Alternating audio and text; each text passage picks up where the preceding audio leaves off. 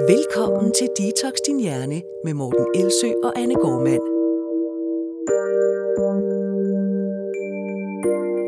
Hej Morten. Hej Anne. Vi har jo talt om vaner mange gange. Ja, det må man sige. Altså både indirekte og direkte. Og øh, det var faktisk et øh, tema helt tilbage i afsnit 8. Men det vil være så lang tid siden, at jeg føler næsten, at vi er nogle helt andre mennesker i dag. Ja, det ja. føler jeg også. så, men nu er det så blevet tid til at tale om vaner igen. Fordi den her gang, der vil vi gerne have fokus på de såkaldte dårlige vaner. Altså de her vaner, som mange mennesker rigtig gerne vil af med.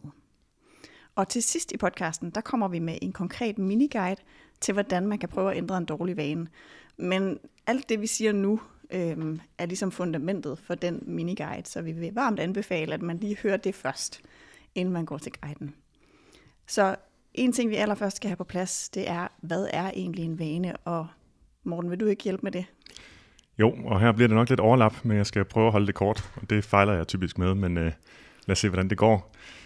Jeg tænker lige at starte sådan lidt udefra, uden at det bliver sådan helt tilbage til Adam og Eva. Øhm, men ved at forklare, at hvis vi mennesker vi skulle overveje alle handlinger, alt hvad vi gjorde hver eneste dag, så vi aldrig rigtig nå noget. Og det betyder, at vores hjerne for ligesom at komme udenom det, har en tendens til automatisering, altså at automatisere handlinger, automatisere adfærd, også tanker, som vi også vender tilbage til. Vi sparer en hulens masse energi, kognitiv kapacitet eller kognitiv energi, på at konvertere alle de her bevidste beslutningsprocesser, vi kan have i løbet af dagen, alt det vi vil tage stilling til, til mere eller mindre ubevidste reaktioner. Og det ville på en måde være lidt besværligt, hvis man hver gang man skulle øh, børste tænder, eller åbne en dør, eller finde ud af, hvordan man åbnede køleskabet, skulle tænke, hvordan gør man det her smartest? Eller ja. hvad er det, jeg skal nu? Og der er mange ting, som vi kunne tage stilling til dagligt, som vi kunne reflektere over, men som vi lynhurtigt vælger, øh, vælger fra egentlig. Og vi tænker, at det giver ikke nogen mening at bruge tid på. Vi gør det ikke bevidst, men det sker netop også, altså, altså automatisering sker også automatisk. Et eksempel er også fra vores kurser, hvor deltagerne de hurtigt får en fast plads. Oh, ja. Simpelthen bare for at få valgt den, eller få sorteret det fra, at man skal ind og tage stilling til, hvor skal jeg sidde i dag. Øh, det er sådan noget, som folk laver lidt sjov med, og så prøver ligesom også at, også at forvirre mig som underviser, som godt kan hurtigt vende mig til, hvor folk de sidder henne. Ja.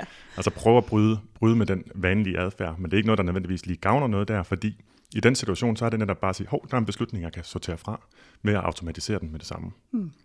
Øhm, og det er også det, som dem, der har et rigtig godt forhold til træning, de oplever, det er også, at der er ikke nogen, i hvert fald ikke nogen særlig grad, af ændret diskussion. Det er ikke en forhandlingsproces hver eneste gang. Og i den anden aspekt er der måske alle dem, som primært diskuterer, hvorvidt de skal ned og træne, men aldrig rigtig kommer afsted. Ja. Okay, men når en handling så er blevet til en relativt ubevidst rutine, så er det, man kalder det en vane. Og de vaner, vi har, de styrkes af gentagelser. Altså jo flere gange en vane den gentages, jo stærkere siger man, den er. Og den styrke, den kan man selvfølgelig se øh, i og med, at den er sværere at bryde, øh, og den, man forfalder nemmere til den. Men man kan egentlig også beskrive den som, at man har fået styrket nogle nervebaner op i hjernen, der hvor vanerne sidder, hvis man kan sige det. Det er meget forsimplet, øh, ja. kan man selvfølgelig sige. Jeg kommer til at tænke på et eksempel, jeg tit bruger i forhold til, til spisning på følelser at hvis man nu som barn har fået øh, stukket et stykke kage i hånden, hver gang man egentlig havde brug for en krammer, når man var ked af det, at så er det sådan den første erfaring med, at når jeg har en følelse, der er ubehagelig, så er der noget, der kan få den til at gå væk. Og hvis en krammer ikke lige var tilgængelig, fordi det kan være, at man havde nogle forældre, der var lidt øh, overbelastet eller stresset, eller ja, endnu værre måske, at så den første gang, det sker, så er det den første erfaring med, her findes noget, der kan få mit ubehag til at forsvinde. Mm. Og så får man måske gentaget den oplevelse nogle gange, og jo, jo flere gange bliver gentaget, jo større vanestyrke, kunne man sige. Ja, og der er et andet element, som også afgør vanens styrke ud over gentagelser, det er netop belønningen. Og belønning, det er jo også sådan et ord, man kan misforstå en lille smule. Vi kan opfatte det som, eller man kan tænke, at det er der, hvor vi bliver glade, eller vi oplever en eller anden eufori. Men rigtig ofte, så er belønning i virkeligheden en reduktion af et ubehag. Øh, at der er noget utilpashed, som vi, vi kommer af med lige nu og her. Og jo flere gange vi oplever det, at en specifik handling akut forløser et ubehag, jo stærkere bliver den vane, og jo hurtigere bliver den også etableret. Der skal virkelig mange, meget få gentagelser til, men noget, som vores hjerne erfarer virker. Vi behøver ikke engang være bevidste om, at det gør det, men bare erfare, ligesom det eksempel med kage øh, hos børn. Som så både fjerner ubehag og tilfører en, øh, en rigtig dejlig smag, så man både får, man får en dobbeltbelønning, kan man sige. Ja, absolut. Øhm, de vaner, de styrkes altså af den belønning, det vi får ud af vanen lige nu og her. Og det er ret vigtigt, fordi der er mange, som har det svært ved at forstå, jamen hvorfor bliver jeg ved med at gøre noget? Nu kommer vi til at tale om dårlige vaner senere, men det er jo typisk det, som man kæmper med. Hvorfor bliver jeg ved med at gøre det her, når nu jeg kan se, at det har negative konsekvenser for mig, eller når jeg siger, at jeg gerne vil stoppe? Men det er fordi, det har en positiv konsekvens lige nu og her. Og vaner påvirkes faktisk ikke af, hvilke negative konsekvenser de har på vores liv på sigt. Så der er en afkobling mellem den akutte positive effekt og den langsigtede negative effekt, hvor vi kan bruge viden om den langsigtede negative effekt til egentlig at stille os uforstående over for, hvorfor vi fortsætter. Men der er det vigtigt netop at forstå, at det giver os noget nu og her. Men den vil jeg vende lidt tilbage til. Mm. Når øh, vaner de er etableret, og det bliver de altså, så vi kan se det adfærdsmæssigt, men det bliver de altså neurologisk oppe i vores hjerner også, så er det rigtig svært at slippe af med igen. Og jeg tror måske, man kan forklare det sådan, at de på en måde skal udkonkurreres af nye vaner, for at hvis ikke forsvinde, så i hvert fald blive skubbet til side, eller ja, udkonkurreret er måske det bedste ord. Så i, i tilfældet, med, i tilfældet med kagen, man er kommet til at bruge som trøst, at hvis man så begynder at lære nogle andre måder at blive trøstet på eller række ud, at så kan det over tid, ikke med det samme, men sådan hen over tid, hvor man gør det, langsomt afløse den, den gamle vane. Ja, og det som mange nok også vil kunne genkende til, det er, at man faktisk kan gøre noget andet rigtig længe, men så kan der ske noget i livet, som gør, at det nye, man havde sat sig for, det nye, man ville prøve at gøre, det lige ryger i baggrunden. Øh, man er svækket på en eller anden vis, man er overbelastet på en eller anden vis, og så findes den gamle vane fandme stadigvæk inde bagved. Ja, det er så, uh, altså det er så syret at opleve, når man ja. tænker, nu det er et år siden, jeg har hvad jeg har taget en cigaret, hvis jeg var nervøs. Og så pludselig, så står man i en situation, hvor man bare er så presset, at man får lyst til det, og tænker, hvor i alverden kom det fra? Mm. Jeg har ikke tænkt på en cigaret i et år, hvis det var røg. Netop, og, og, og det er jo tilbage til den pointe, at, at de jo nok egentlig aldrig rigtig forsvinder, de nervebaner, men vi kan lave nye, og vi kan forsøge at lave nogen, som i adfærdsmæssigt i hvert fald erstatter. Øhm, men det betyder også, at de forsvinder ikke af, at vi bare prøver ikke at gøre det. Vi bliver nødt til at sætte noget nyt ind i stedet for, og gøre den nervebane og den adfærd stærkere egentlig end den eksisterende vane. Mm. Det er jo sådan lidt abstrakt det her, men, men det er sådan den overordnede for, forklaring og forståelse, som er vigtig at få med. Så er det vigtigt selvfølgelig at forstå, at en stor del af alt det, vi gør, øh, det sker næsten uden at vi er bevidste om det. Det er afhængigt af, hvordan man studerer det. Det er jo faktisk ret komplekst, men, men der er nogle studier, der peger på, at det er måske op mod næsten halvdelen af alt, hvad vi gør dagligt, der på en eller anden måde er, er ren rutine. Øhm, det betyder også, at hvis vi vil forbedre vores liv, så kræver det, at vi ændrer nogle af vores vaner. Ikke nødvendigvis dem alle sammen.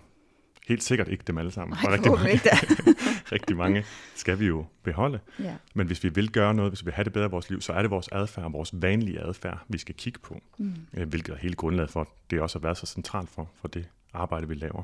Ja, det er faktisk en pointe, jeg også nogle gange har med. Jeg tror også, du har den i en form øh, på vanecoachuddannelsen, som er den her med, at jamen, hvis jeg hjemmefra har lært, at øh, jeg skal spise op, fordi ellers så, så er det synd for de sultne børn i Afrika. Og så har jeg gjort det rigtig mange gange og blevet belønnet for det, ved at jeg har fået ros for, at jeg har spist op, trods at jeg var faktisk var mæt. Men så, så på et tidspunkt, så bliver det så automatiseret, at jeg ikke tænker over det længere. Og hvis jeg hver dag hele livet igennem spiser mere, end jeg egentlig har behov for eller lyst til, så øh, kan min vægt stige mere, end jeg måske egentlig har lyst til. Mm. Og også mere, end min naturlige appetit vil være til. Ja, absolut. Så det er bare lidt nogle gange, det pointe, jeg har med omkring det her også, når jeg underviser i det, det er også, at vi kan ikke bare tænke os til, eller ønske os til, eller planlægge os til, at livet bliver bedre. Vi bliver nødt til simpelthen at eksperimentere med at ændre vores vanlige adfærd, især den, som gør den største forskel øh, for vores liv. Så lige tilbage til det sådan tekniske omkring vaner. De er altså relativt ubevidste, og de er automatiske, reaktioner på situationer. Det er sådan den korteste forklaring næsten på vanlig adfærd, altså ubevidste automatiske reaktioner på situationer. Og hvad er en situation? Jamen situationer de består af det fysiske miljø, som vi er i. Det er alt det, der er omkring os. Det er også tilgængelighed af fødevarer, hvis vi taler om, øh, om hvordan det påvirker os til at spise. Øhm, det er også vores kropstilstand. I forbindelse med spisning er det, om vi er sultne og mætte, om vi er trætte, om vi er friske. Og de sidste to ting, og de første to ting, påvirker sådan set også alt muligt anden adfærd. Det er vores mentale tilstand, om vi er i ro, om vi er ængstlige, om vi er opstemte, om vi er nedtrykt, eller hvad vi ellers skal føle. Og så vores sociale miljø, altså om vi er alene, det kan påvirke os meget. Øh, især sådan nogle ekstroverte personer som mig. Mm-hmm. Og så nogle introverte personer som mig. det, på, det påvirker os meget forskelligt i hvert fald, ja, og vi reagerer forskelligt på det. Og så selvfølgelig også, om vi er sammen med andre, og hvem vi er sammen med, påvirker os enormt meget. Og alt det skaber den situation, vi på et givet tidspunkt er i. Og vi vil rigtig ofte reagere helt automatisk på den sådan samling af øh, cues eller triggers, som man kalder det.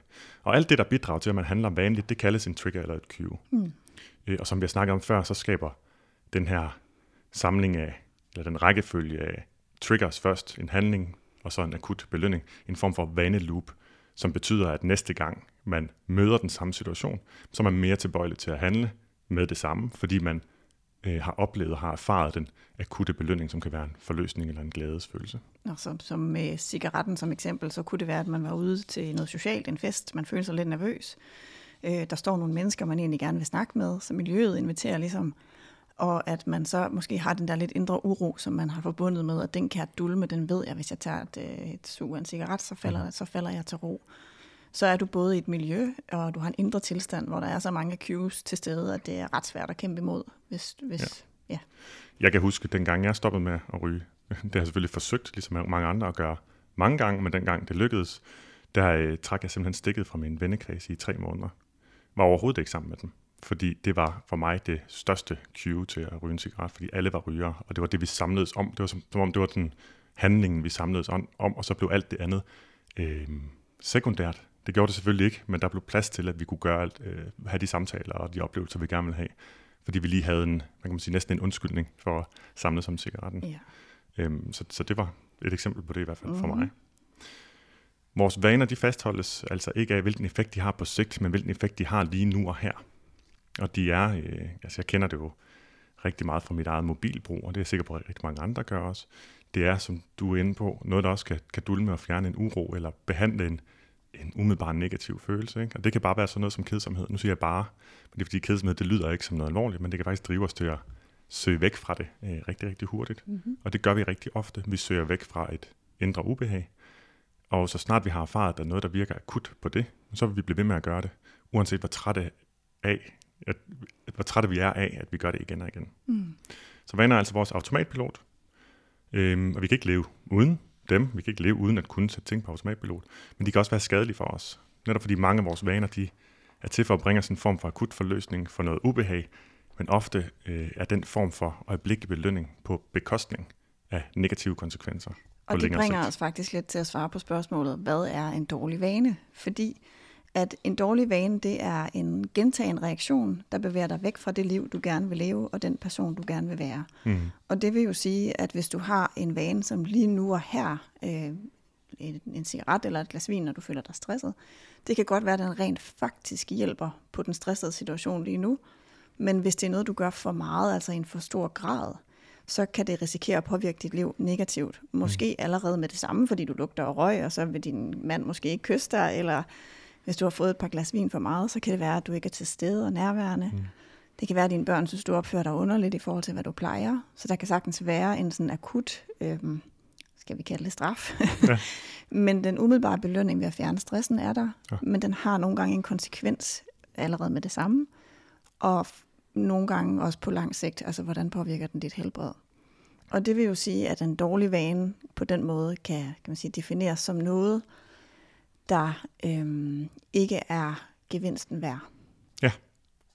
Det er noget, der ikke er gevinst værd. Jeg synes, det er vigtigt lige at udfolde, når du siger, at det har også lidt en akut straf. Øhm, mm. Og der er så forskel på graden af akuthed.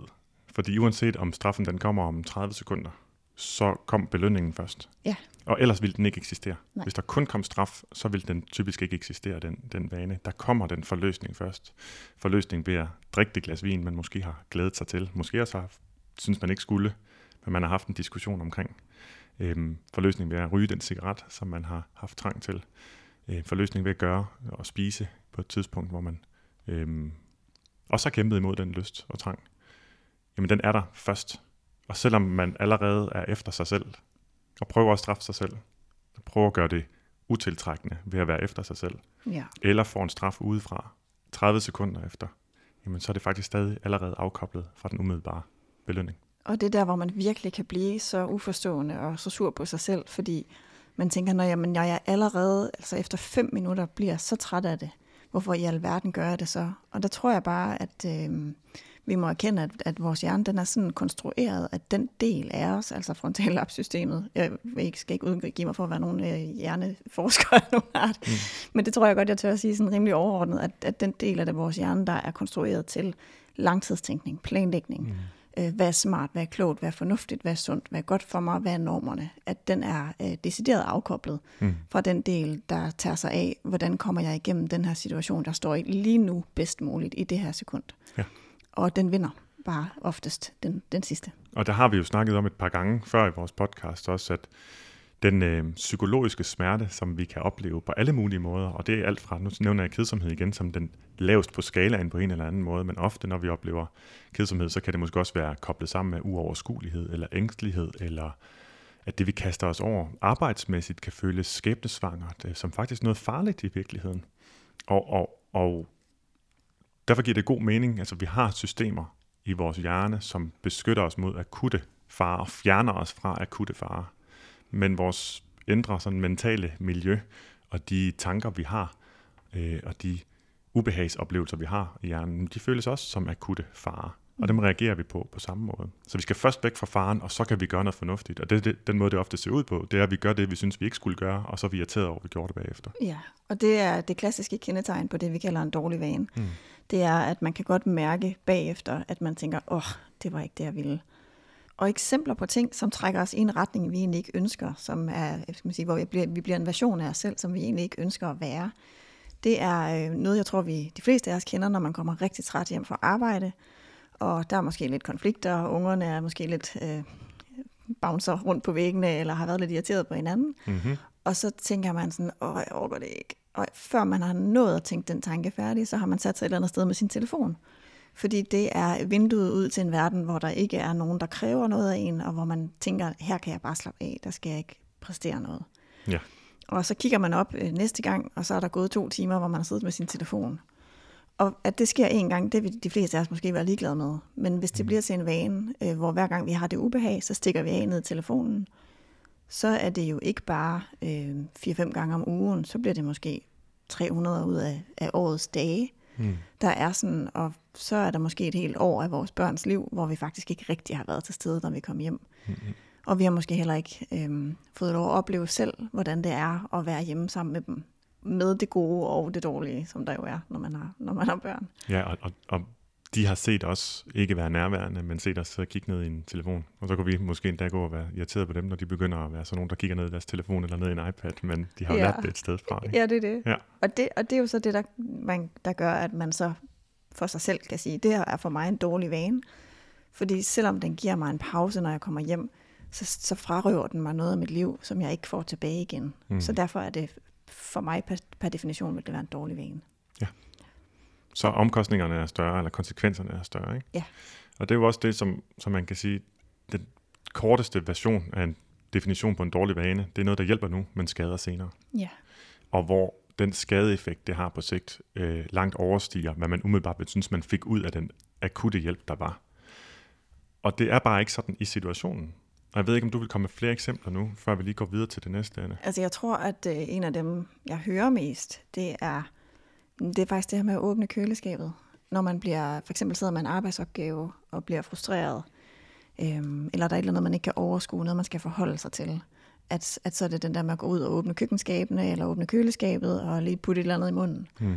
Hvor at øh, tit når folk fortæller, at de har det her mønster, så kommer de egentlig og siger, jeg er bare sådan en, der overhovedet ikke har nogen ryggrad, og jeg kan slet ikke, jeg ved ikke, jeg går bare og spiser hele tiden.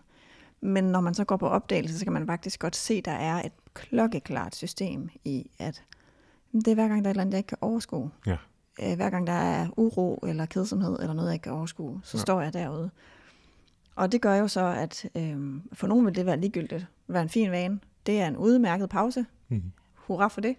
Øh, og for nogen vil det være noget, der faktisk har en konsekvens på længere sigt. Og på sådan akut længere sigt kunne det være jeg ved ikke engang, om man kan sige akut, når det, når det er lidt længere Men sigt. på mellemlang sigt. Mellemlang sigt, øhm, at, at der kan man sige, jamen så kunne det, for mig ville det være at ødelægge appetitten til måltiderne. Jeg Mm. elsker at spise aftensmad, når jeg er sulten. Jeg synes, det smager sygt meget bedre, end hvis jeg har gået og spist hele dagen. Og der ved du, at det- det er nok det punkt, vi, hvor vi, minder, vi to minder mest om hinanden. Ja. At jeg vil også prioritere måltidet. Øh, og Ja, jeg vi synes, kan er næsten sidde og snakke om, hvornår tror vi, vi bliver sultne. Ja, så, fordi- allermest ud af det. så får mest ud at spise. Øhm, og på lang sigt kan man sige, jamen hvis man nu har tendens til at, at overspringshandle med mad hele tiden, så for nogen vil det føre til en, en vægtstigning, som de ikke ønsker. Og for Mm. nogen vil det være, hvad kan man sige, en, en ligegyldig detalje, at når jamen, så vejer jeg lidt mere, og for nogen har det en stor betydning. Hmm. Og det kan være en stor betydning i forhold til, hvor- hvordan man, man har det i sin krop, som man bare selv føler det. Det kan være en betydning i forhold til risiko for sygdom, som nogen, hvor nogle mennesker påvirkes markant mere af at have mere fedtvæv, end andre gør. Øhm, og så kan det også være simpelthen, hvor, hvor let eller hvor besværligt det bliver at bevæge sig rundt, hvilket også kan påvirke igen, hvor meget energi man føler, man har. Mm. Og så er der også igen en mellemlang effekt, som er sådan, man, man kan sætte ind derimellem, som er den konsekvens, det typisk rigtig ofte har for folk, når de tager på. Det er, at de hele tiden går og tænker på, at de skal tabe sig. Som stjæler fokus fra alt det andet, man hellere ville tænke på i sit Ja. liv. Ja. Og så, så bliver det sådan en anden underlig våbenkapløb mellem, at man har en rutine, som handler om at øh, spise som overspringshandling, hvis jeg kan, øh, det er lidt en reduktion, det med på, det er mere kompliceret end det, som fører til, at man tager på, og så samtidig har en rutine med at tænke, så derfor skal jeg spise, springe måltider over på et andet tidspunkt, øh, eller jeg skal på slankekur lige om lidt. Og så er man egentlig hele tiden på en eller anden måde i kamp med den rutine, ved at have en anden rutine, i stedet for at få kigget på netop den vane øh, i sig selv. Ikke? Ja. Ja. Så, og, så dårlige vaner, bare lige for at summere op, det er de vaner, som hjælper dig nu, men skader dig senere. Du sagde det meget mere øh, eloquent, jeg kan ikke finde danske ord. Men, Eloquent. Men, eloquent. meget, meget, meget, meget, meget mere præcist. Men øhm, det er ligesom hovedpointen her. Og, og det vi skal videre til herfra, det er så at tale om, jamen, når vi indser, at der er en effekt af en, af en adfærd, som er belønnende eller som fjerner ubehag, mm. så øhm, er det jo det samme som at sige, at alle vaner tjener et formål. Der er ikke nogen vaner, der opstår, uden at de på en eller anden måde har hjulpet dig igennem en situation øhm, Nej, før. præcis. Og, og, det, grund til, at jeg synes, det er en vigtig, grund til, måske også vi synes, det er en vigtig pointe at få med, det er, at rigtig ofte så er man meget efter sig selv, øh, og synes, at når man siger, hvorfor, hvorfor gør jeg det her? Jeg er også bare en stor idiot, jeg har ikke nogen ryggrad, jeg skal ikke bare tage mig sammen, og øh, det er jo bare en dårlig vane, og så videre. Så fornægter man, tror jeg, den akutte positive effekt. Man, man bliver ikke, øh, man anerkender ikke, at man faktisk har et behov på det tidspunkt, at man har et svært indgroet mønster. To vigtige elementer til at, øh, ja, som vores kollega Christa Bøjesen siger, putte lidt mere noget på. Mm. Øhm, at man, man, man opnår ikke forståelse for sin adfærd, når man bare dømmer den. Det har vi også været inde på mange gange, men det er vigtigt at vide, at, at det, at man selv kalder noget en dårlig vane, kan betyde, at man også er blind for, hvilke gode ting den giver lige nu og her. Ja, og der er der et eksempel i forhold til, øh, til overspisning. Nogle af de klienter, vi har, har jo voldsomme overspisninger, altså hvor det ikke bare er at gå og snakke lidt, men altså hvor de faktisk spiser så meget, at de bliver helt apatiske, øhm, og faktisk får sådan en følelse af at stoppe kroppen så meget ud, at, at den bliver følelsesløs. Og når det er så, altså når det er ude på den ende af spektret i forhold til at fjerne ubehag, at det er noget, der er så ubehageligt indeni, øhm, så går det lidt ud over det, vi vil tale om som bare vaner. Mm-hmm. Men den effekt af at få fjernet den uro, øhm, det er noget af det, som der er rigtig mange, der slår sig selv oven i hovedet over. Hvorfor gjorde jeg det nu igen? Hvorfor spiste jeg så meget mad? Hvorfor, det er jo, jeg har det jo så dårligt. Jeg, det sidder op i halsen. Jeg kan ikke sove for det. Jeg kan ikke trække vejret. Hvorfor gør jeg det her mod mig selv? Og der tror jeg bare, man skal huske, at hvis sådan nogen som dig og mig, vi ikke engang lige kan sidde med en opgave, uden vi skal kigge ned i en telefon, mm. eller vi ikke engang lige kan sidde og lave nogle podcastnoter, uden at man lige skal ud og spise et stykke chokolade eller et eller andet. Hvordan skulle nogen, som har oplevet øh, fysisk og psykisk vold, eller systematisk mobning, eller traumer eller PTSD, som, Som har så op jo, meget, ja, som har så meget smerte indvendigt, hvordan skulle man så kunne lade være med at, at, at fjerne det ubehag med mad? Og det, det, det vil jeg jo så sige, det kan jo godt være, at man kan det, men det, og det handler ikke om, om man kan eller ikke kan. Det handler om, hvor svært det er at gøre det. Og det vil jo så være enormt svært at gøre noget andet på det tidspunkt. Men alligevel, hvis ikke man erkender, at det vil være enormt svært, at det er en kæmpe opgave at gøre noget andet, fordi det er så ubehageligt at være inde i sig selv, hvis ikke man gør det. At der er en helt naturlig forklaring, at det er det mest naturlige at gøre overhovedet som reaktion. Men så vil man samtidig netop både synes, man er øh, udulig og ikke, Ja. ikke har nogen ryggrad, og samtidig heller ikke få kigget på, hvad det er, der i virkeligheden driver det. Nej, og det er også det, der sådan, altså i forhold til øhm, noget, jeg tror mange af os kender, det der med at lige gå ud og tage et stykke et eller andet slik eller en kop et eller andet, når vi, når vi har brug for en pause. At det er så koblet sammen, men hvor man også kan slå sig selv oven i hovedet. Mm. Og i stedet for at gøre det, så giver det altså virkelig god mening at spørge sig selv, hvilket formål tjener den her vane? Mm. Hvad er det, den lige nu øh, hjælper mig med, eller distraherer mig fra? Øhm, og hvis det er slik, man går og spiser i løbet af arbejdsdagen, jamen, hvis du først kan se, jeg, det jeg føler, det er, at jeg føler det vildt uoverskueligt. Det er en rigtig ubehagelig følelse at blive i, at noget er uoverskueligt. Ja. Og så må man godt sige til sig selv, jeg kan faktisk godt forstå, at jeg har brug for at stikke af fra den følelse. Det er faktisk først og fremmest det, jeg skal gøre, lige at anerkende, hey, Ja. jeg står ikke herude og spiser slik uden nogen grund. Og, og det får mig til at tænke på, at jeg tror, der er noget galt med ordet, for jeg bruger også tit det der uoverskueligt, men det Mm. lyder så let. Jeg tror i virkeligheden, følelsen er, at man er overvældet. Ja, Og overvældet, hvis man kan se det for sig lidt mere billedligt, så er det næsten, altså man er fuldstændig, man kigger op, og så er der bare noget, der rækker ind over en, og næsten holder en fra at gøre det, man gerne vil. Man, man kan ikke vælge, man ved ikke, hvor man skal gå hen, men er, der er som om, der er noget, der vælger ind over en, hvis det giver mening overhovedet. Jamen, jeg ser det også nærmest som sådan en, øh, sådan en afgrund, Ja. sådan, hvor man bare ikke kan se nogen ende. Så det er faktisk en stærk følelse, og Ja. det er en stærk, ubehagelig følelse. Øhm, det, det er blot for lige at gøre det også klart for mig selv, hvorfor det, at man synes, at noget er uoverskueligt, det faktisk er koblet med en ret stærk negativ følelse. Det giver Mhm. god mening, at ens reaktion umiddelbart er at prøve at få den følelse væk. Især hvis man ikke er bevidst om, at det er det, der sker, så gør man det jo netop for at vende tilbage til snakken om, hvad vaner egentlig er. Så sker det jo med det samme. Her er et ubehag, jeg vil væk fra det. Og et andet eksempel, man kunne tage, det er øh, det her med, at mange af os har en tendens til at sige ja til alt for mange ting. Altså det er jo også på en måde en dårlig vane, ureflekteret bare at sige ja. Jamen det skal jeg nok. Det kan jeg sagtens. Det vil jeg gerne. Øh, og på et tidspunkt så har vi sagt ja så mange gange, at, at der ikke er plads og tid til, til det, vi egentlig havde brug for. Og til de mennesker, vi egentlig rigtig gerne vil være der for. Og så har vi fået spredt os selv lidt for tyndt. Øh, og den vane, altså du kan jo spørge dig, Morten. øh, hvad er den umiddelbare belønning? Hvad, hvad for et formål tjener det for dig, hvis du siger ja til noget, altså for eksempel en opgave, det kunne være en foredragsforspørgsel, som du egentlig ikke havde tid og overskud til, men som du kommer til at sige ja til alligevel. Jeg tror, nu har jeg ikke tænkt over det inden, men, men jeg tror, at når jeg læser sådan en, så tænker jeg med det samme på, her vil jeg godt kunne gøre en forskel. Og det er som om, det allerede begynder at gøre ondt, at jeg ikke har tid til det.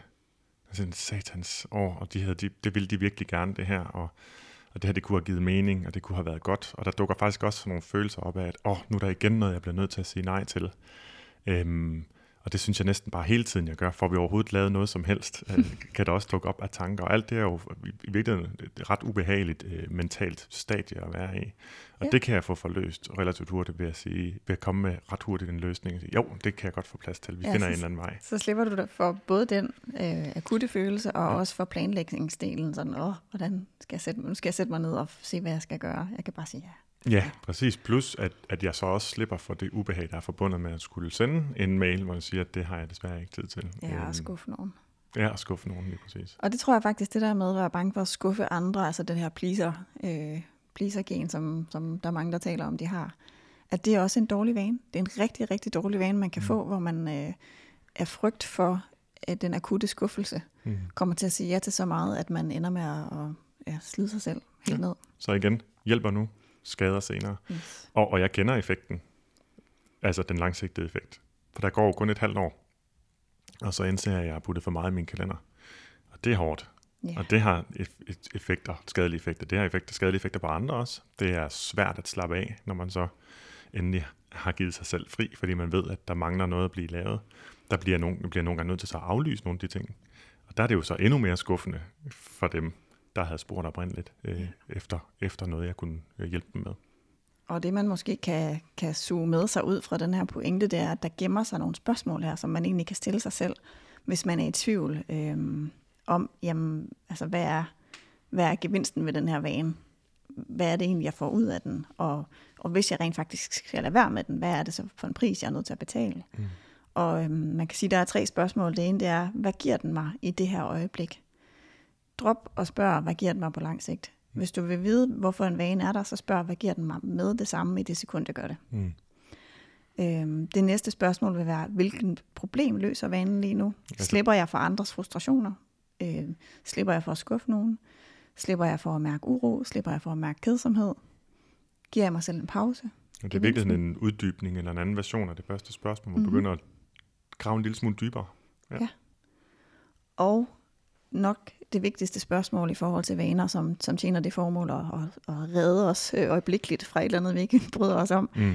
det er, hvad er det lige nu, jeg skal forholde mig til, hvis jeg ikke drikker, ryger, spiser, kigger ned i telefonen. Ja. ja. Og det er en anden måde at, at stille sig spørgsmål, hvad er det, jeg prøver at vende ryggen til, eller hvad er det, jeg prøver at udsætte, eller ja. ignorere. Flygte fra. Øhm, flygte fra, undgå. Og, og, og jeg tror, det er det bedste spørgsmål umiddelbart. Hvad er det, jeg skal forholde mig til? Og bruge lidt, lidt tid på lige at undersøge det. Øhm, kan gøre os meget klogere på os selv, og kan, kan også reducere den hammer, der typisk er forbundet med, at vi ja, gør det, vi synes, vi ikke burde gøre. Det er i hvert fald utrolig svært at være øh, hård samtidig, altså hård ved sig selv, samtidig med, at man er i gang med at være på opdagelse og være nysgerrig på, hvad der foregår. Jeg vil, jeg vil bruge den påstand, at det er umuligt at gøre begge dele på samme tid. Ja. Men man kan godt veksle imellem de to. Ja, det kan og man. øve sig at gå tilbage til, ej, jeg vil faktisk gerne bare undre mig. Jeg vil faktisk gerne prøve at forstå. Ja. Du lytter til Detox Din Hjerne med Morten Elsø og Anne Gormand. Så alle vaner, vaner tjener altså et formål. Også dem, vi bare har stemt som dårlige vaner. Men derudover, så kan vi også sige om dårlige vaner, at den samme handling udefra set kan være en dårlig vane i en sammenhæng, og en god vane i en anden sammenhæng. Ja, for eksempel det her med, at, øh, at der er mange, der synes, de bruger for meget tid foran fjernsynet. Ej, jeg ser selv for mange Netflix-serier. Øh, men hvis man har valgt det til, hvis man har valgt, der er en serie, jeg synes er vildt spændende for mig, og det er faktisk værdifuldt øh, at se. Jeg synes, det er et stykke kunst, jeg sidder og ser på. Jeg ser den i godt selskab, eller, eller jeg har simpelthen bare brug for at koble fra, og jeg har mm. valgt det til aktivt så vil det være et eksempel på, at så er det at se fjernsyn en sindssygt god idé. Ja. Øhm, men hvis det derimod er noget, man gør for at undgå noget andet, og at det tager overhånd, sådan så hvis man for eksempel føler sig stresset, og så har man hørt, jamen hvis jeg er stresset, så skal jeg bare se en masse fjernsyn, og så hver gang man føler sig urolig eller stresset, så binger man øh, en masse episoder af sin mm. yndlingsserie. Så ender man med at have spildt rigtig meget af sit liv og sin tid på at prøve at undgå et ubehag. Ja, og ja. det kan betyde, at det man, det man måske undgår, det er at få svaret på nogle vigtige mails, hvis, det, hvis man er bagud med det, fordi man har tendens til overspringshandel. Man kan undgå at træffe nogle beslutninger, man kan undgå, undgå at forberede ting til dagen efter. Så noget så simpelt som at smøre madpakker og pakke tasker, som får en akut negativ konsekvens dagen efter, men også på sigt, at man hele tiden, hver gang noget er uoverskueligt eller hårdt, jamen så prøver man ligesom at øhm, stikke af. Jeg tænkte på escapism på, på engelsk, ikke at stikke af og, og lukke den verden ned for en stund. Men det betyder altså, at man ikke er til stede derovre, hvor man så kan gøre noget, både for sig selv og for sit liv. Jeg kunne godt tænke mig lige at udfolde den der den positive version af at se fjernsyn. Jeg har engang læst en eller anden øhm, optimerings guru sige noget, der er ingen, der husker en dag, hvor de bare så fjernsyn. Og så kan man tænke, det passer bare overhovedet ikke. Nej. Når jeg tænker tilbage på min sommerferie, da jeg var barn, hvor der bare var dage, hvor der intet vi skulle ej, hvor var det rart, at min storebror og jeg sad ind, for vi havde en eller anden grund flere kanaler i vores sommerhus end derhjemme, så vi sad og så Cartoon Network. Og jeg kan stadig huske det. Jeg kan huske, hvad vi så også. Og det var simpelthen så hyggeligt. Jeg kan huske den ro, der var deromkring. Og det blev jeg heldigvis opmærksom på tidsnok til, at jeg nu har haft rigtig, rigtig mange gode stunder med mine børn, hvor jeg også slukker telefonen i øvrigt og sidder med et, en under hver arm over sofaen og sidder og ser film i halvanden time i træk. Det er overhovedet ikke spilletid. Det er absolut noget, som jeg nyder, mens jeg er der. De nyder, mens de er der, og som faktisk kan gå hen og blive kerneminder, for at bruge det udtryk, ja. i øvrigt for en af de film, vi har set. Helt sikkert.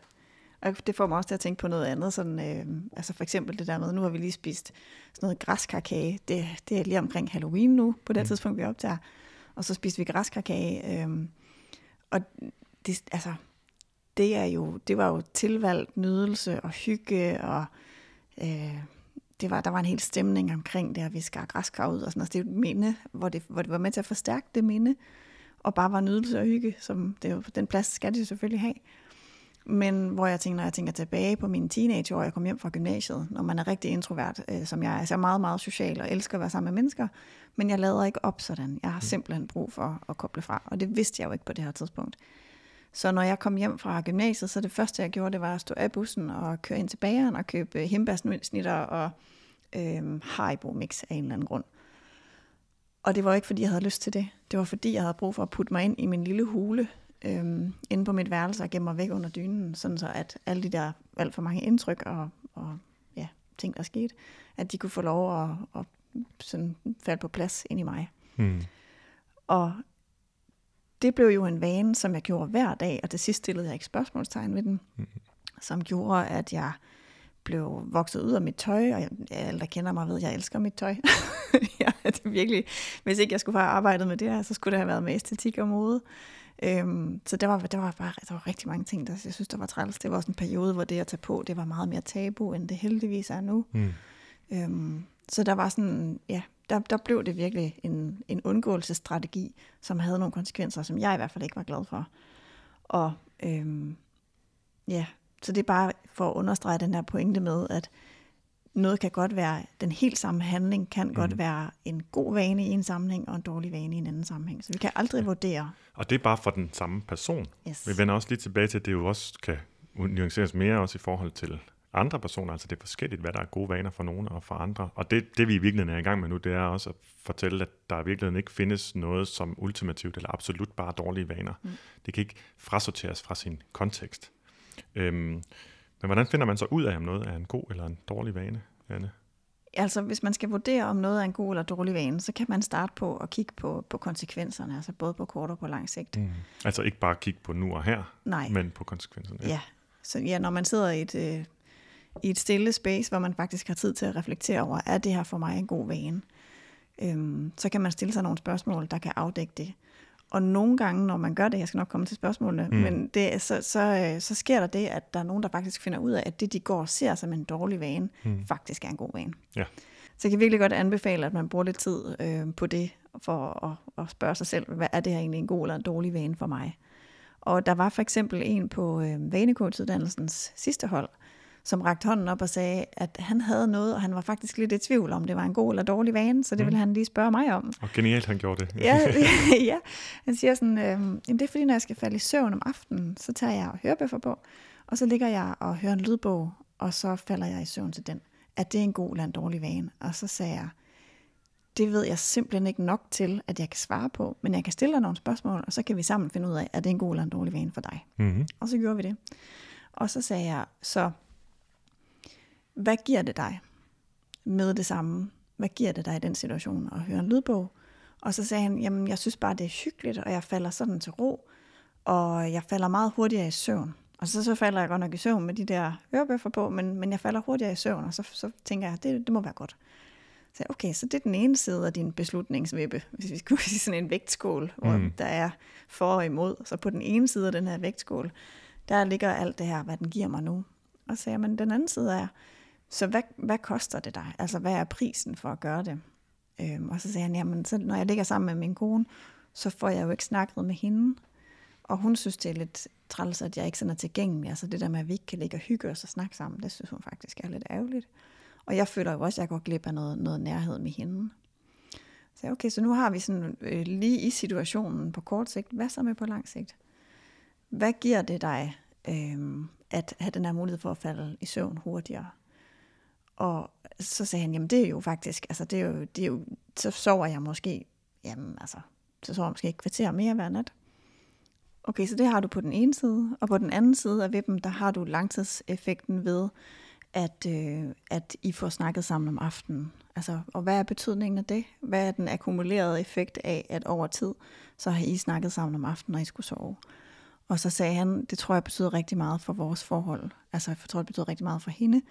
Øh, og jeg tror, det betyder meget for os, at vi lige får lukket dagen af sammen. Og den der nærhed, som vi har haft, at vi har den med os, øh, det kan ret, have ret stor betydning. Det kan jeg jo godt genkende til. Ja, ja, og så har man den her, hvis du forestiller dig den her beslutningsvippe øh, eller sådan vægtskål på den ene og den anden side, du har både effekterne på kort og lang sigt. Og så kan man sige, for mig, når jeg ved, at øh, det jeg skal opgive for den vane, det er den nærhed og det er min kones ønske, og det er den her samhørighed, som vi har om aftenen, når vi ligger og snakker, er det så det værd, at jeg falder i søvn et kvarter før? Og så sagde jeg, nej, overhovedet ikke. Det er det slet ikke. Jamen, så er det en dårlig vane. Og det er jo et godt eksempel på, for det første, så kan man ikke vide, at noget er en dårlig vane på forhånd. På det, for det andet, og så springer jeg måske lidt frem, men lad os bare tage det nu, så kan vi øh, som behandlere, terapeuter, coaches, hvad man nu kalder sig, øh, så kan vi heller ikke vurdere det på andres vegne, men vi kan hjælpe dem til selv at vurdere det, hjælpe dem til selv at finde ud af, om det er en dårlig vane eller ej. Netop ved at lave den her form for analyse, det lyder en lille smule tørt, men det er virkelig nok det, det er. Mm-hmm. Men vi kan sagtens egentlig gå videre fra den pointe. Øhm, hvad mindre du synes, vi lige skal have et eksempel mere? Åh, oh, det, det synes jeg, du lokker lidt efter med ja. dine øjne. Okay. Jamen, der er faktisk et eksempel, som, øh, som jeg også møder rigtig tit, og det er mm. det her med, at man spiser noget for at falde til ro. Ja. Jeg gjorde det selv, da, jeg, da, jeg, da mine børn var små, når de skulle øh, sove, og de havde været umulige at putte, og så var jeg helt urolig inde i min krop, og så gik jeg ud og spiste noget chokolade. Men, men der, det hjalp.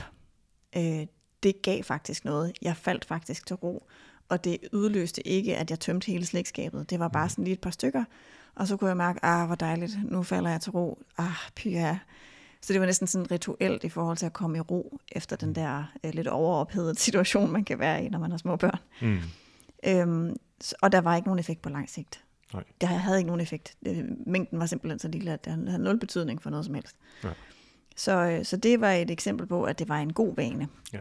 ja. Og, og man kunne godt bare have det sådan unuanceret, bare hørt, at snacking er en dårlig vane, eller det at gå ud og spise noget bagefter, eller at spise, selvom jeg er behageligt mæt, og fortsætte med at spise derefter, det er også en dårlig vane. Men der er altså ikke nogen af, der er altså ikke noget af det, der er så absolut. Det er altså afhængig af, som vi også har talt om i alle mulige andre sammenhæng, det afhænger af kontekst, og så handler det jo også om mængde. I det her tilfælde handler det også om mængden af chokolade, du talte om, men det handler også om, øh, hvor ofte vi gør det i den forstand, er det vores eneste strategi, eller er det noget, vi benytter os af en gang imellem, som mm. et bredt repertoire af måder at reagere på, på tilværelsen på? Og hvis du kan svare ja til, at en vane gør, at du har det bedre lige bagefter, og den har nul effekt eller positiv effekt på lang sigt, så er det bare en god vane. Så, og så er det ligegyldigt, hvad andre siger. Ja, fuldstændig ligegyldigt. Og, og i forhold til netop også at nuancere det, altså den samme handling, det var det, vi lige kom fra nu, den samme handling kan altså være en dårlig vane, og en god vane, afhængig af, hvordan den bruges, øhm, og, og øh, ja, og hvordan, hvilke konsekvenser den ligesom har på sigt, hvad man bruger den til, og hvad, hvad det bidrager med på sigt. Men en dårlig vane for dig kan jo være en god vane for en anden også, så det er altså også afhængigt af personen. Og der har vi også øh, lige to eksempler med. Ja, altså jeg har øh, en rigtig, rigtig god øh, ven, som har en kronisk mavesygdom, altså tarmsygdom, og øh, altså, han har røget i rigtig mange år, og vil egentlig gerne stoppe med at ryge. Men det viser sig så, at rygning rent faktisk hjælper, når man har den her tarmsygdom, på at, det, at ens mave simpelthen fungerer bedre. Så der øh, stod han jo i en situation, hvor det at ryge faktisk øgede hans livskvalitet så meget, at det måske var det værd i forhold til eventuelle konsekvenser på lang sigt. Og så er det for ham en god vane, selvom det at ryge for mig vil være en dårlig vane. Og jeg synes, det er et særligt godt eksempel, fordi at man vil, hvis man sådan siger, at der er ikke noget, der er ultimativt eller absolut er en dårlig vane, så vil nogen sige, at rygning er og så tager vi i virkeligheden næsten det mest ekstreme. Så kan man så sige, at det mest ekstreme, det vil være, der, der vil være nogle vaner, som, øh, som er dårlige på, på samfundsniveau. Ja.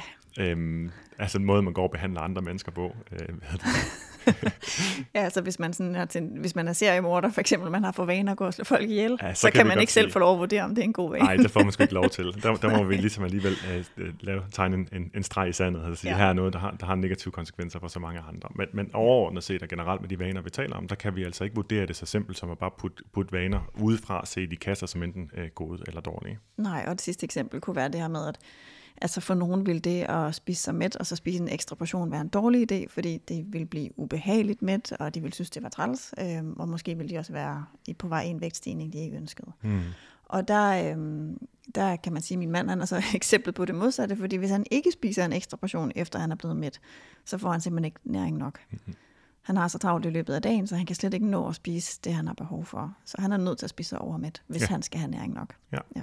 Så der, det er simpelthen forskelligt, og det minder mig også om en, en lidt mere generel pointe til, til dem, der sidder som, som igen behandlere, terapeuter, coaches, hvad man nu, hvad man nu kalder sig, at det, øh, det der gavner nogen, skader andre, mm. og det, der skader nogen, gavner andre. Det kan vi simpelthen ikke vide på forhånd, og det, det, det synes det er en god pointe, eller godt at holde, øh, skrive sig bag øret, eller holde sig for øje på en eller anden måde, så man ikke kommer til at blive sådan lidt sort-hvid også i retning af, at vi skal gøre noget, vi skal gøre det samme for alle, eller alle metoder. Der er nogle metoder, der er gode, og der er nogle metoder, der er dårlige, i stedet for at vurdere det ud fra ud fra den, man sidder overfor. Mm, god pointe.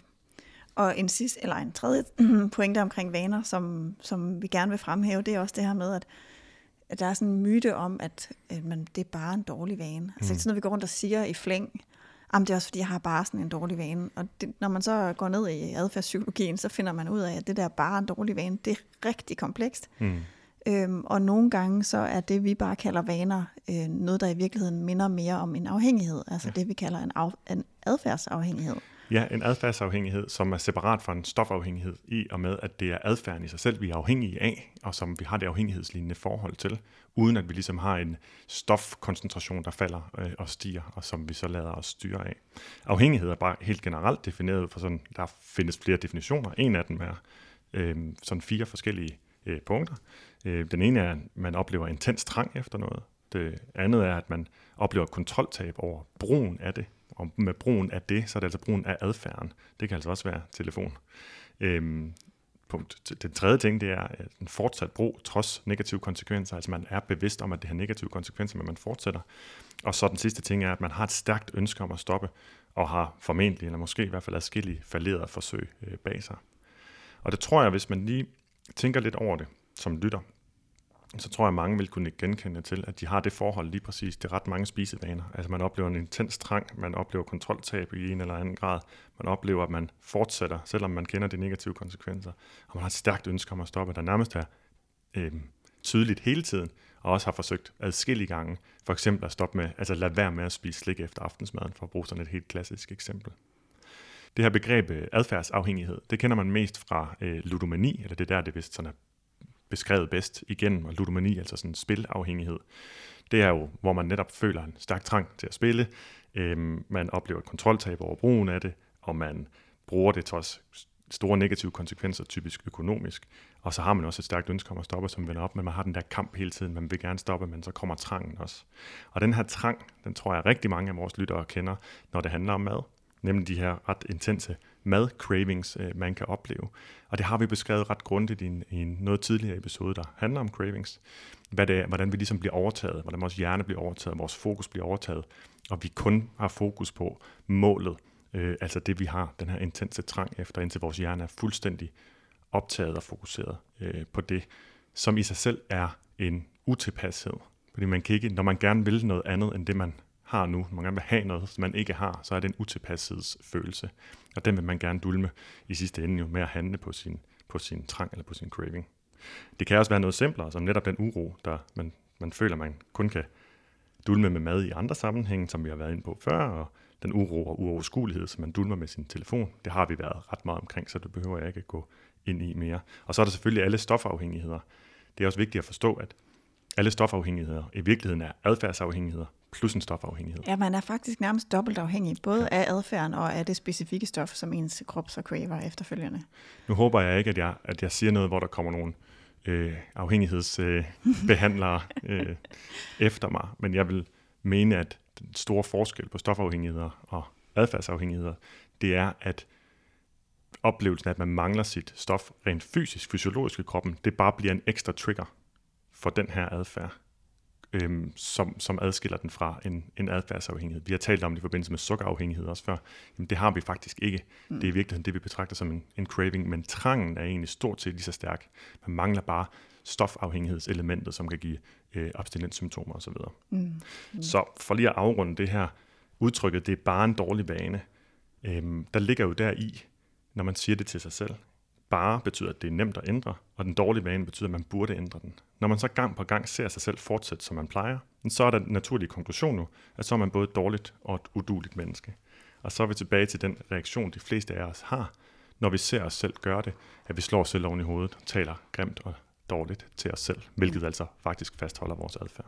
Og det vi så skal måske tage med herfra, sådan lige summere op, det er, at i forhold til den her myte om, at det bare er en dårlig vane, at øhm, vi er nødt til, vi er simpelthen nødt til at være lidt mere nådige, mm. øh, og være lidt mere sådan selvomsorgsfulde og sige, hey, det er altså ikke bare en dårlig vane. Mm. Det har, den tjener et vildt øh, stærkt formål, som rent faktisk gør noget, ja. og det er overhovedet ikke mærkeligt, at jeg har brug for hjælp, eller at jeg har brug for at prøve at bryde det her mange gange. Stærk trang, intense cravings, de er alt overskyggende, og de får vores hjerne til midlertidigt at tro, at det eneste rigtige og vigtige at gøre, det er at få den trang til at forsvinde.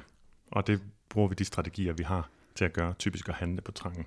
Ja. Så det er ikke bare en vane, især ikke når det er en øh, adfærdsafhængighed. Og det er altså også noget, der kan øh, gradbøjes i rigtig mange grader, øh, ja. hvor, hvor stærk den adfærdsafhængighed kan være. Og det vil jeg bare lige indskyde, at det er, så det er faktisk noget, man godt kan få hjælp til. Der er selvfølgelig ganske almindelig misbrugsbehandling, som har virkelig meget styr på det her. Hvis det er mere over i mad, så dem, øh, vi har vores overspisningscoaches, som har fået den her overbygning på vanecoachuddannelsen, som lærer, hvordan arbejder jeg egentlig med cravings øh, specifikt. Og der, det, det er bare for at sige, man kunne sidde og tænke, at jeg skal bare have en kostplan, så kan jeg godt holde mig udenom de vaner. Nej, du skal lære, hvordan du håndterer dine cravings, ja. så kan du komme videre. Ja. Og selvfølgelig er der jo det element, at det hjælper at blive bevidst om, hvad det er, der rent faktisk sker. Øh, men det tror jeg, vi vil vende tilbage til lidt hen mod slutningen også. For der er lige en, tang, en ting mere, som vi, vi skal omkring om dårlige vaner, inden, inden vi begynder at bevæge os i retning af at en mini-guide. ja. Den vi har lovet for lang tid siden. Ja, det er rigtigt. Ja, ja altså vi har øh, en, den sidste pointe med i virkeligheden, som er, at noget af det, som de fleste faktisk ikke er opmærksom på omkring vaner, det er, at man, kan ikke, man har ikke bare dårlige øh, skal man sige, adfærdsvaner ude i livet, altså ting, man kan se. Vi har også dårlige tankevaner. Mm. Vi har vaner på indersiden af kroppen, inde i hovedet, som, øh, som også simpelthen bare er vaner. Hvis du tænker på de tanker, du har i dag, så har du formentlig haft størstedelen af dem i går også, og dagen før, og dagen før. Øh, fordi vi er nogle vanedyr på indersiden. Og noget af det, som øh, man kan få for vane, det er at have det, der hedder bekymringstanker. Mm. Det talte vi rigtig meget om i den episode, der blev udgivet omkring øh, corona. Jeg kan ikke huske, hvilket nummer det var, men øh, man kan helt sikkert finde en, en titel, hvis man scroller igennem. Mm. Og øh, der var der rigtig mange, der havde utrolig mange sådan, grublerier og bekymringer. Både bekymringer for, hvad betyder det her for min fremtid, men også grublerier tilbage til, ej, nu er det her sket, og det var også dumt, og altså, hvor man kan sidde fast i de her tankemønstre. Og når man lader sig rive med af den type tanker i lang tid ad gangen, så bliver ens måde at være på præget rigtig meget af det, så man bliver, øh, man er ikke nærværende. Og jeg tror, mange vil kunne genkende det, især måske også, der har været selvstændige, som har været rigtig bekymrede fra fremtiden, at man var måske, altså man var til fest eller fødselsdag, men ens hjerne, den var bare så optaget af, hvordan løser jeg det her, eller det går aldrig, eller man havde ikke sovet om natten på grund af det. Så man var faktisk fanget i den type af tanker. Øh, og det kan blive en vane. Ja, og det kender jeg også fra mig selv, og jeg har også talt med andre om det, at, at begynde at lægge mærke til, hvor meget den tid, man, man går og ikke er på arbejde, øh, man faktisk går og, og opstiller situationer inde i hovedet, som man skal forholde sig til. Øh, opstiller diskussioner, øh, problemer, som måske kan opstå en gang, som man kan løse, som gør, at når man så sætter sig hen for at skulle noget, enten være noget for andre, eller være noget for sig selv, enten privat eller arbejdsmæssigt, at så er man egentlig mentalt, kognitivt øh, drænet, fordi man har tendens til at, øh, at helt per automatik, når man har tid for sig selv, gå ind i, i den form for bekymrings- eller planlægningstanker.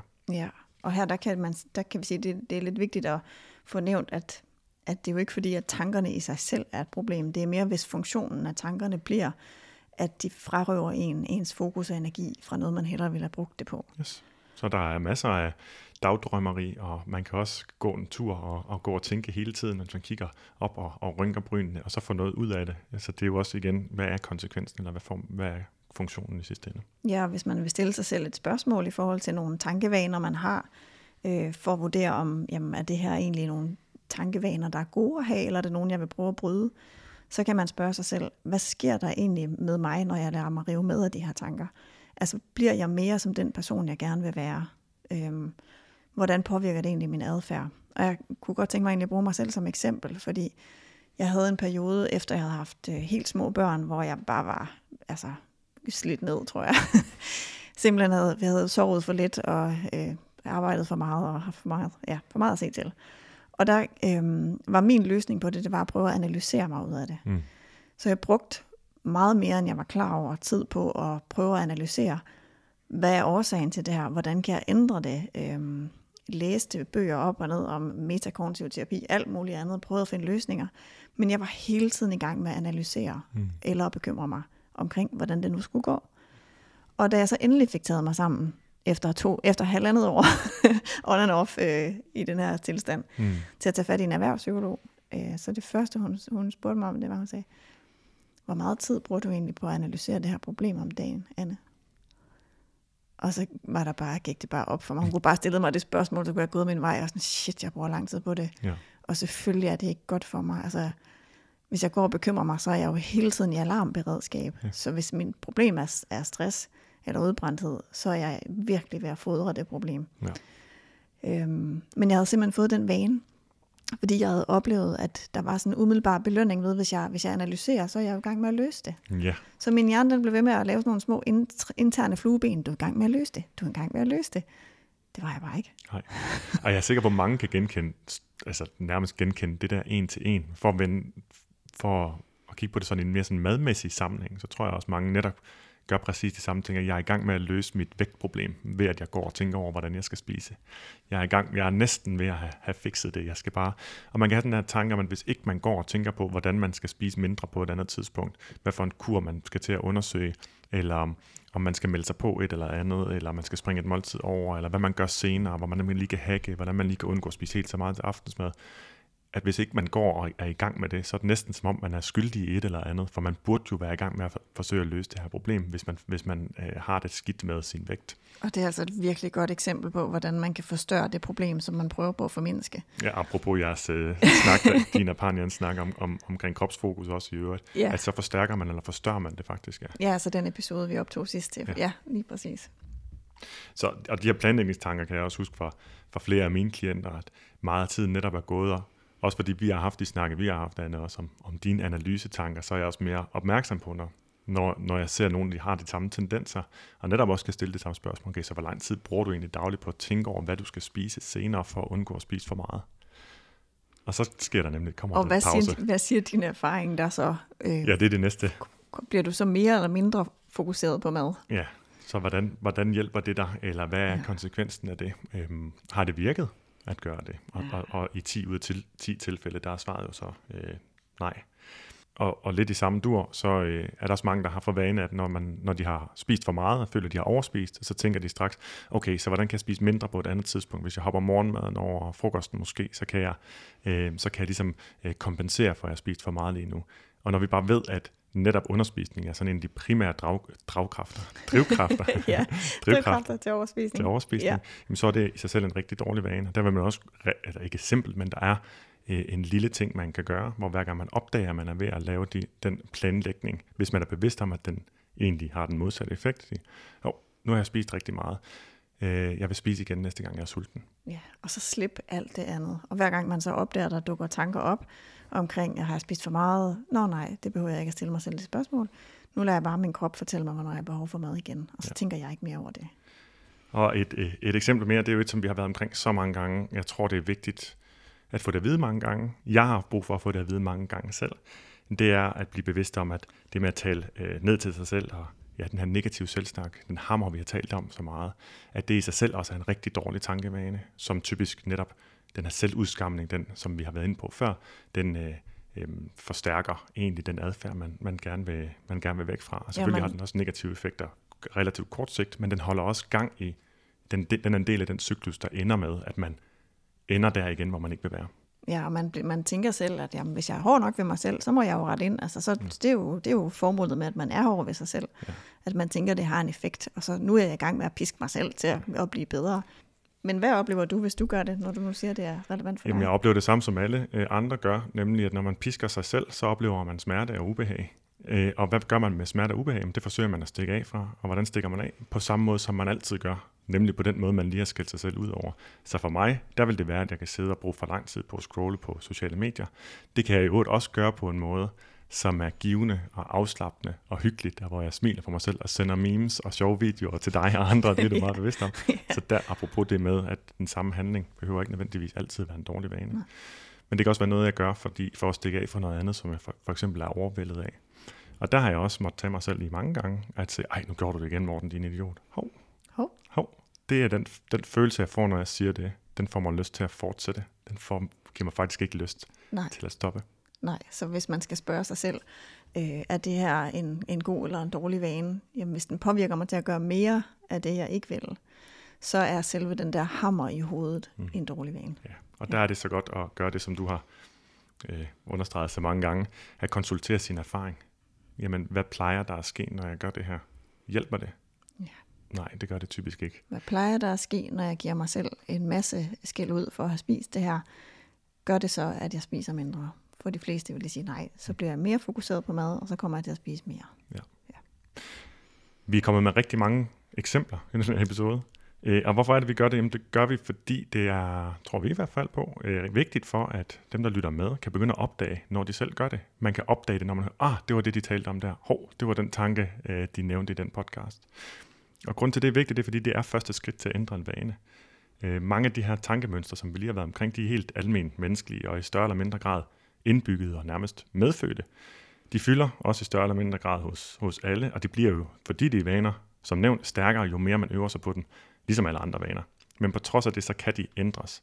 Og det kræver altså bare først og fremmest, at man bliver opmærksom på dem. Og det er bare generelt det første skridt til at ændre enhver vane. Ja.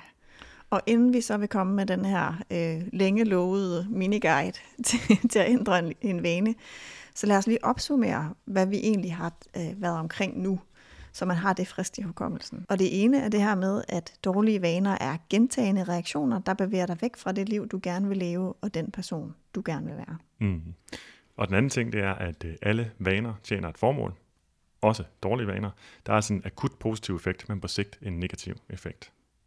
Og at det, der afgør, om en vane er god eller dårlig, det er, øh, om du vurderer, at den bidrager med mere, end den tager fra dig.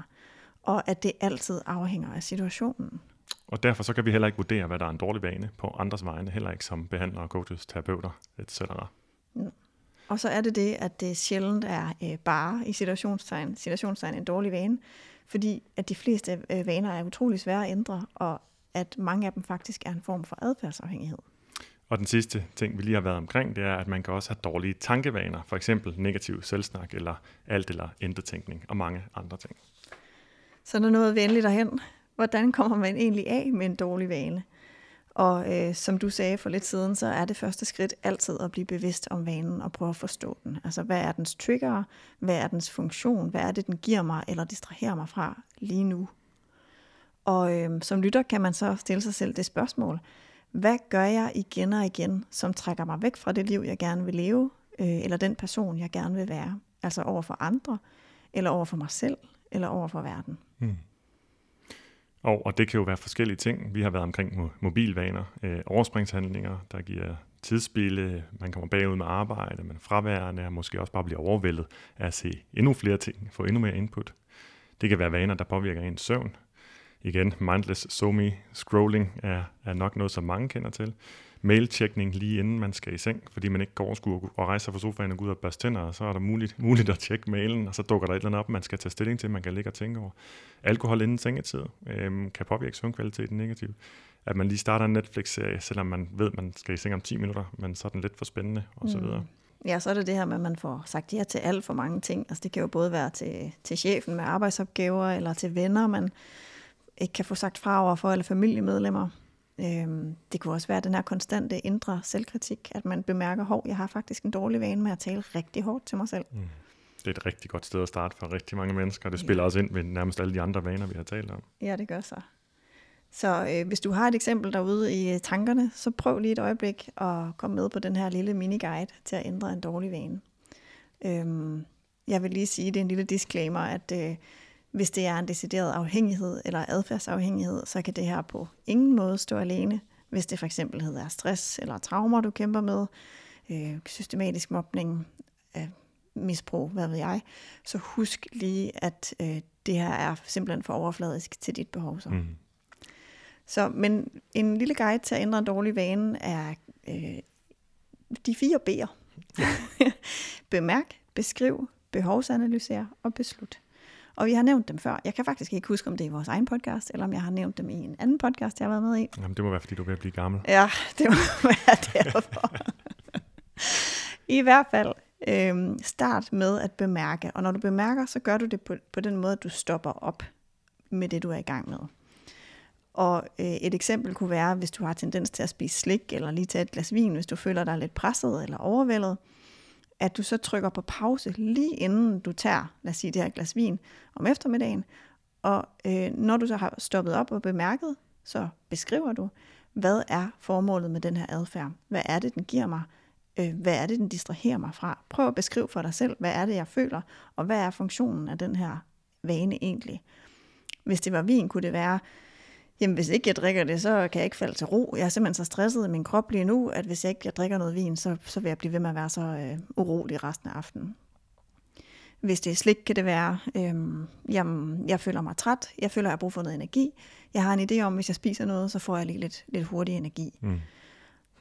Så du har bemærket, og du har beskrevet, så er det blevet tid til at behovsanalysere. Hvad vil egentlig hjælpe, som har knap så mange negative konsekvenser? Hvis jeg drikker et glas vin for at falde til ro og føler mig stresset, øh, hvad vil kunne hjælpe, som ikke er vin, hvis jeg nu synes, jeg drikker for meget vin? Mm. Øh, vil det hjælpe mig at gå en tur? Vil det hjælpe mig at kramme en, jeg holder af? Vil det hjælpe mig at sætte mig med en kop kaffe og læse en bog? Pakke mig ind i en dyne? Hvad, hvad får mig ellers til at falde til ro, som ikke har den samme negative konsekvens? Og til sidst så beslutter man sig så for, hvad vil jeg gøre næste gang, at jeg oplever det her? Og så begynder at eksperimentere med det.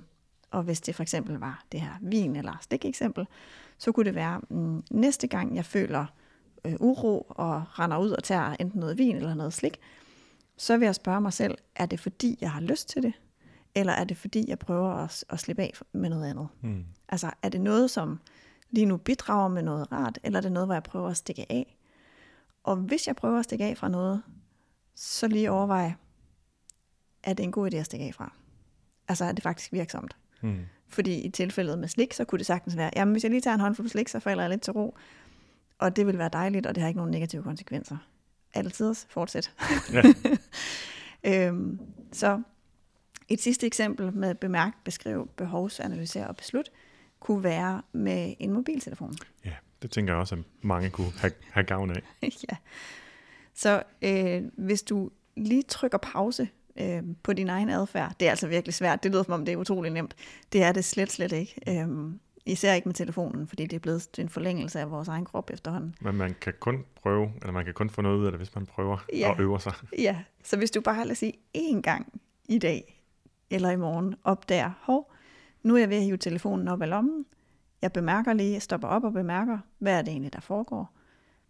Hmm, hvis jeg lader den blive i lommen, hvad er det så, jeg skal forholde mig til? Altså, føler jeg mig alene lige nu? Er det derfor, jeg åbner telefonen?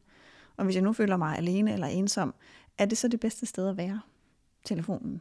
Eller vil det faktisk være mere langtidsholdbart, at jeg lige skrev til en god gammel ven, eller ringede til min mor, eller min søster, eller gik over til naboen og spurgte, om jeg må låne en kop et eller andet og faldt i snak? Altså er der andre ting, som, som er mere holdbare, og som faktisk giver mig mere, end at sidde med telefonen, når jeg føler mig ensom?